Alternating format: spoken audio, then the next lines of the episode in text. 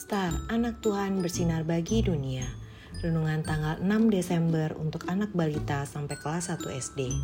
Diambil dari Yesaya 9 ayat 5. Dan namanya disebutkan orang penasehat ajaib, Allah yang perkasa, Bapa yang kekal, Raja damai. Mama baru saja membacakan mentari Yesaya 9 ayat 1 sampai 6. Ma, apa sih artinya Raja Damai? Terus siapa raja itu ma? Tanya Mentari kepada mama. Raja damai itu Tuhan Yesus. Nabi Yesaya tahu bahwa ada raja damai yang akan datang untuk bangsa Israel dan kita. Kata mama. Apa sih raja damai itu?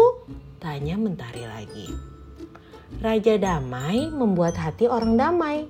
Raja damai mendamaikan orang yang bertengkar. Raja Damai juga membuat orang yang jauh dari Tuhan menjadi dekat. Mama memberi penjelasan. Aku mau, aku mau dekat dengan Tuhan, Ma. Kata bulan. Mentari dan bintang juga jadi ikut menjawab. Aku juga, aku juga. Mama, papa juga dekat dengan Tuhan, kata mama lagi. Sekarang adik-adik dengan bantuan papa dan mama, ayo kita buat mahkota seperti gambar di atas, kemudian beri tulisan Yesus Raja Damai. Mari kita berdoa. Tuhan Yesus, terima kasih sudah menjadi Raja Damai untukku. Terima kasih sudah mengasihiku. Terima kasih Tuhan Yesus. Amin.